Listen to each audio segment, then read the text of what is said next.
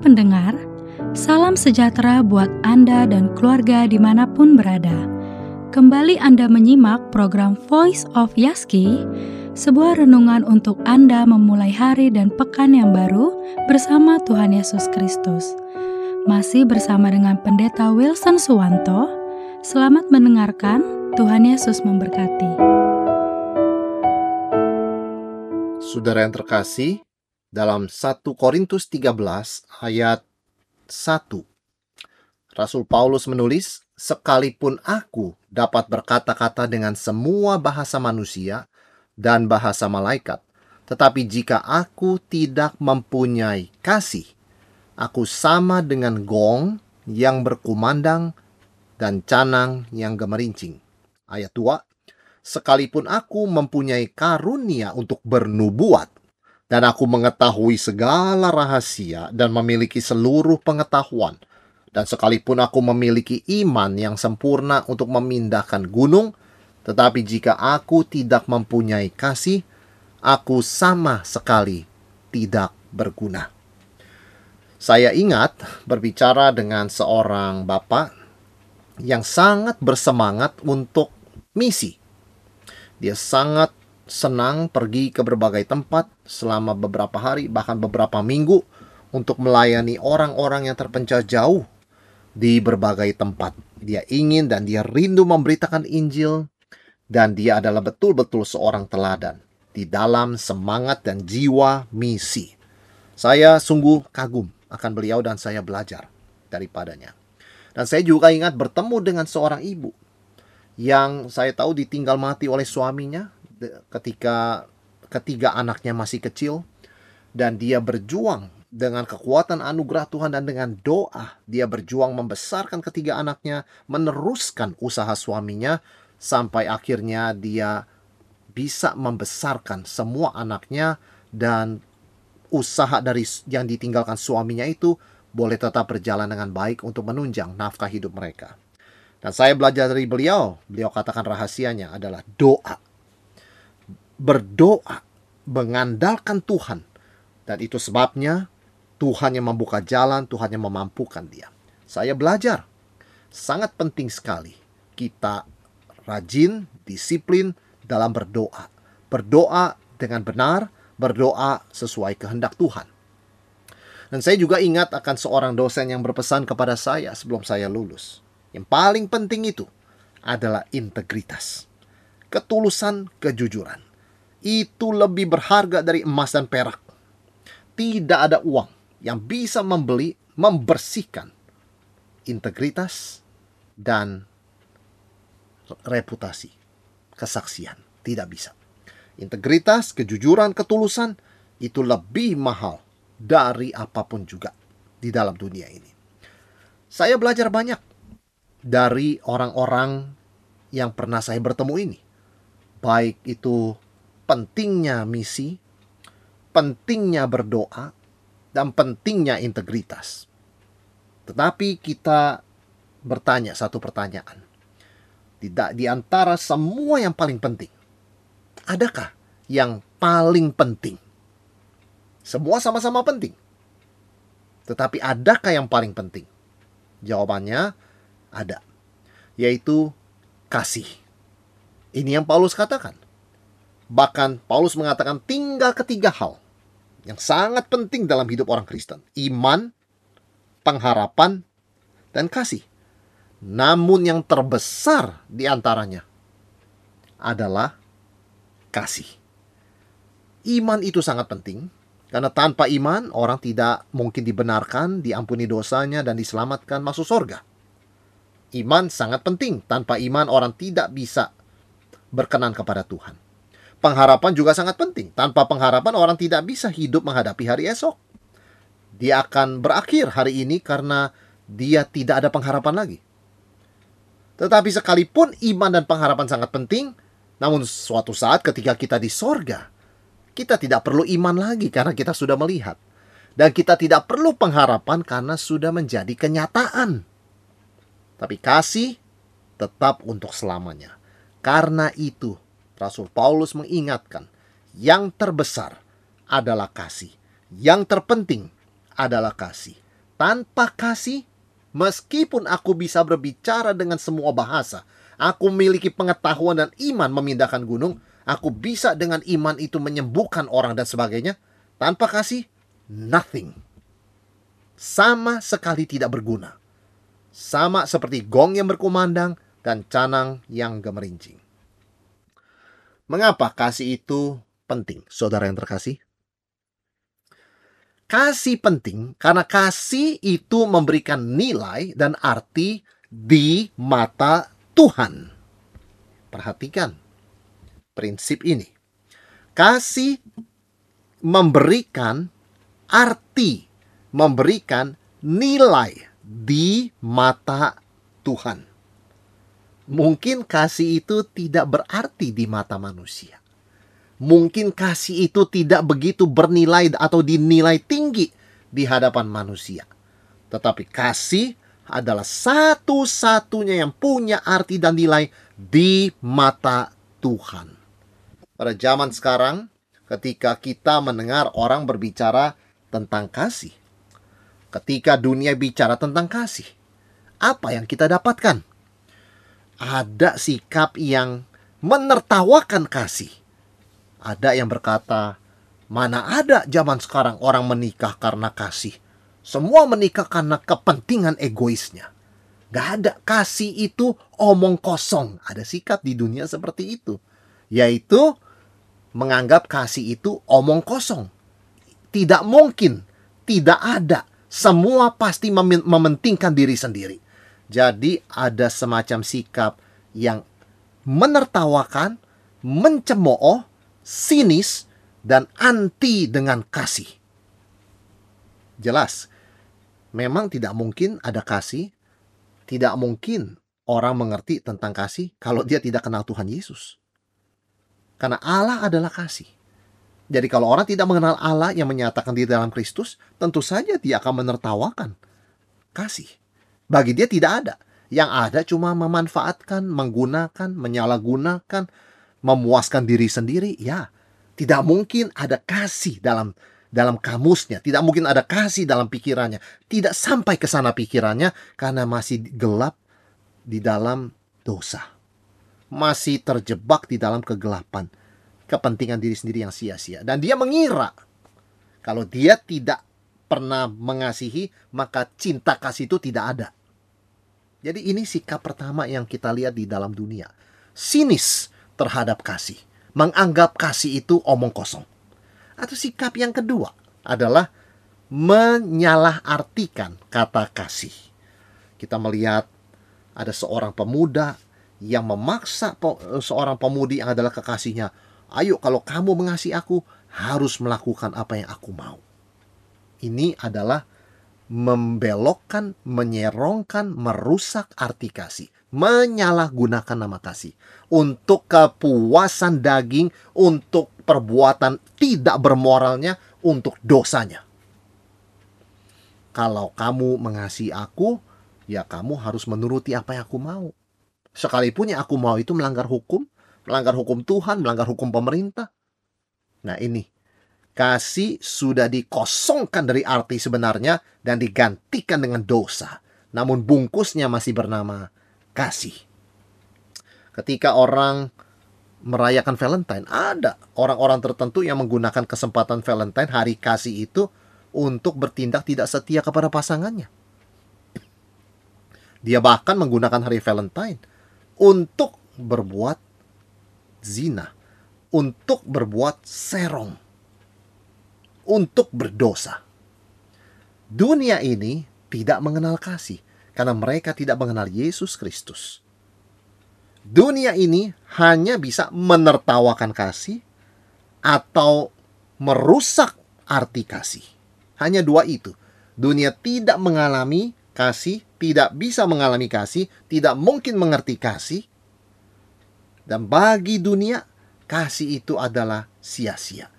Tetapi sebagai anak Tuhan yang dikasihi olehnya, yang telah diberikan anaknya yang tunggal Yesus Kristus. Kita mengerti apa itu kasih. Allah adalah kasih. Dan inilah kasih itu bukan kita yang lebih dulu mengasihi Allah, tapi Allah yang telah mengasihi kita dan memberikan anaknya untuk menjadi pendamaian bagi dosa-dosa kita. Itu sebabnya hanya kita anak-anak Tuhan yang sungguh mengerti apa itu kasih, apa itu agape, karena Allah lah sumber kasih. Allah lah yang mengasihi kita dan Allah adalah kasih. Dan itu sebabnya kasih itu penting sekali. Karena Allah adalah kasih, maka yang Allah nilai, yang Allah anggap berarti, yang ada kasihnya. Tanpa kasih di mata Tuhan, nothing, tidak ada arti, tidak ada nilai. Betapapun wah, populer, hebat, fantastis, bahkan mahal dan berharganya di dunia ini. Di dalam ayat 1 dan 2, tadi yang sudah kita baca, ada beberapa hal disebutkan oleh Rasul Paulus. Pengetahuan. Kalau orang bisa bicara dengan berbagai bahasa manusia, bisa bahasa berbagai negara, bahasa Indonesia, bahasa Inggris, mungkin bahasa Jerman, bahasa Prancis, Rusia, bahasa Korea, bahasa Mandarin, bahasa Jepang, dan sebagainya. Sangat impresif, sangat mengesankan, tapi tanpa kasih. Paulus mengatakan sia-sia, tidak berguna. Tapi ada orang berkata, Pak, bukankah itu sangat berguna? Bisa bicara bahasa banyak, ya? Berguna buat manusia mungkin, tapi nothing di mata Tuhan. Atau Paulus juga menyebutkan, bukan hanya soal bahasa, tapi soal pengetahuan. Bisa mengetahui berbagai pengetahuan. Wah, itu sangat berguna sekali, Pak Pendeta. Sangat berguna sekali kita ngobrol dengan orang yang berpengetahuan. Kita selalu mendapat manfaat, tips-tips yang baru. Ya, sangat berguna buat manusia. Tapi useless, tidak berguna buat Tuhan. Tanpa kasih Wah, bagaimana dengan iman? Wah, saya berdoa orang sembuh itu iman saya. Tapi nggak ada kasih, omong kosong. Iman memindahkan gunung. Luar biasa. Gunung tidak bisa dipindahkan. Tapi karena imannya, gunung sampai dipindahkan. Tapi tanpa kasih, juga tidak ada nilai, tidak ada arti di mata Tuhan. Tuhan tidak menganggap apa-apa soal itu. Bahkan di ayat yang ketiga, Rasul Paulus menulis begini, dan sekalipun aku membagi-bagikan segala sesuatu yang ada padaku, bahkan menyerahkan tubuhku untuk dibakar. Tetapi jika aku tidak mempunyai kasih, sedikit pun tidak ada faedahnya bagiku. Membagi-bagikan segala sesuatu. Andaikan saya sangat murah hati, saya mencintai orang sesama manusia, saya itu mengasihi mereka. Aneh sekali ya, ketika saya bisa membagi-bagikan segala sesuatu, nampaknya saya penuh cinta kasih.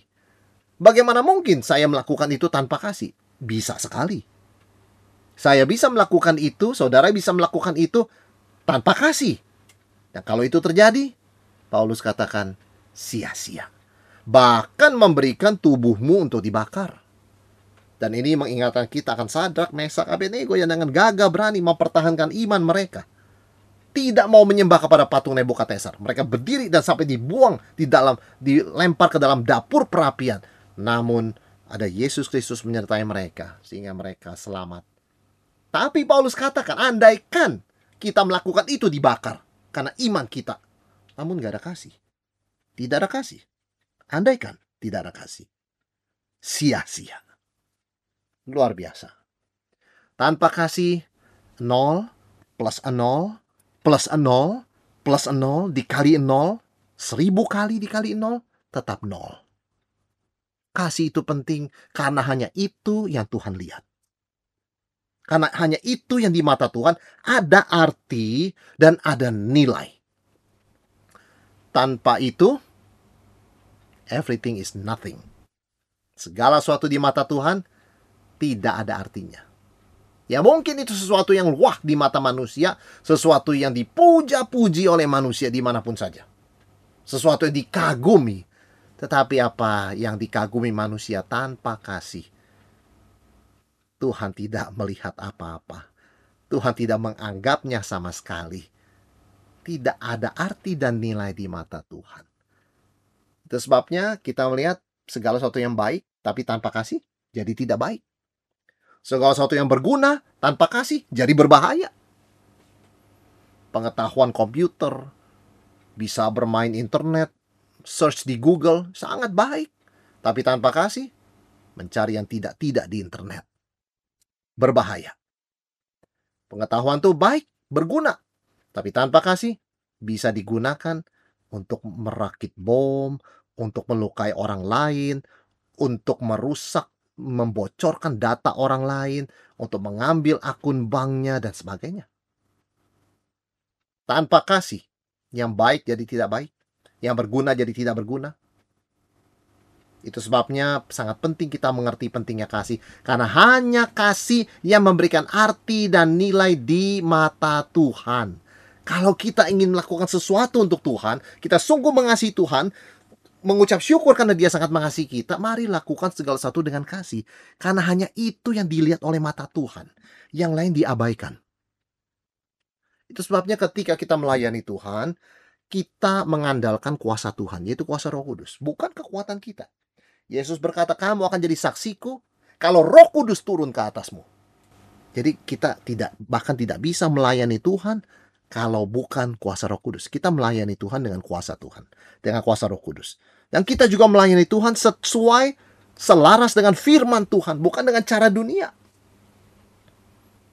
Ketika ada orang mengatakan mengajarkan sesuatu yang tidak ber, yang berlawanan dengan firman Tuhan, katanya supaya gerejanya datang banyak orang, supaya persekutuan datang banyak orang, itu melanggar firman Tuhan. Itu sudah tidak benar kita melakukan pelayanan dengan kuasa Tuhan dan kita melakukannya sesuai dengan cara Tuhan, yaitu firman Tuhan Alkitab. Tapi itu pun belum cukup. Kita harus lakukannya dengan hati Tuhan, yaitu kasih. Itu sebabnya dalam 1 Korintus 16 ayat 14 dikatakan lakukanlah segala pekerjaanmu dalam kasih. Ketika saya, saudara, mau melayani Tuhan, Ya, kita mengandalkan kuasa Tuhan, kuasa Roh Kudus. Ya, kita kembali kepada firman Tuhan. Tidak mau kita ikut cara dunia, menghalalkan semua cara. Tapi itu pun belum cukup. Mari kita lakukan semua itu dari hati Tuhan, yaitu kasih. Baru ini namanya pelayanan, baru ini namanya sesuatu yang bernilai dan berarti di mata Tuhan. Kita bisa mengaminkan apa yang Paulus katakan di dalam 1 Korintus 15 ayat 58. Jerih payamu di dalam Tuhan tidak akan sia-sia. Artinya, kalau kita melakukannya dengan kasih. Kalau tanpa kasih, Paulus katakan sia-sia.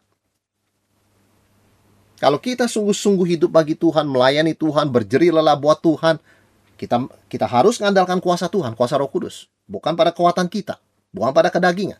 Yang kedua, kita harus sesuai dengan firman Tuhan, bukan ikut hawa nafsu kita. Tapi yang ketiga jangan lupa, kita harus lakukan dengan kasih. Baru jeripaya kita tidak akan sia-sia. Mari kita tidak menyia-nyiakan waktu, tidak membuang-buang tenaga, tidak membuang kesempatan. Lakukan segala yang harus kita lakukan dengan kasih. Karena hanya kasih yang bernilai dan berarti di mata Tuhan.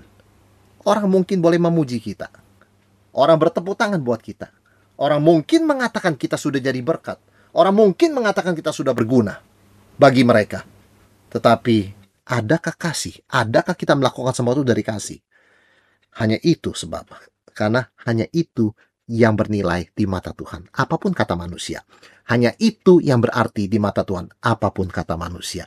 Dan biarlah kita boleh sungguh-sungguh menggunakan memaksimalkan hidup ini untuk melakukan segala sesuatu bagi kemuliaan nama Tuhan dari kasih kepada Tuhan, seperti karakter Tuhan Yesus sendiri. Allah adalah kasih. Demikian tadi Voice of Yaski bersama Pendeta Wilson Suwanto. Anda bisa kembali mendengarkan episode kali ini melalui Spotify Voice of Yaski atau Anda juga dapat mendengarkan, membagikan, bahkan mengunduh episode-episode Voice of Yaski lainnya melalui podcast Yaski di podcast.yaski.co.id. Terima kasih sudah mendengarkan. Salam sehat selalu dan Tuhan Yesus memelihara Anda dan keluarga.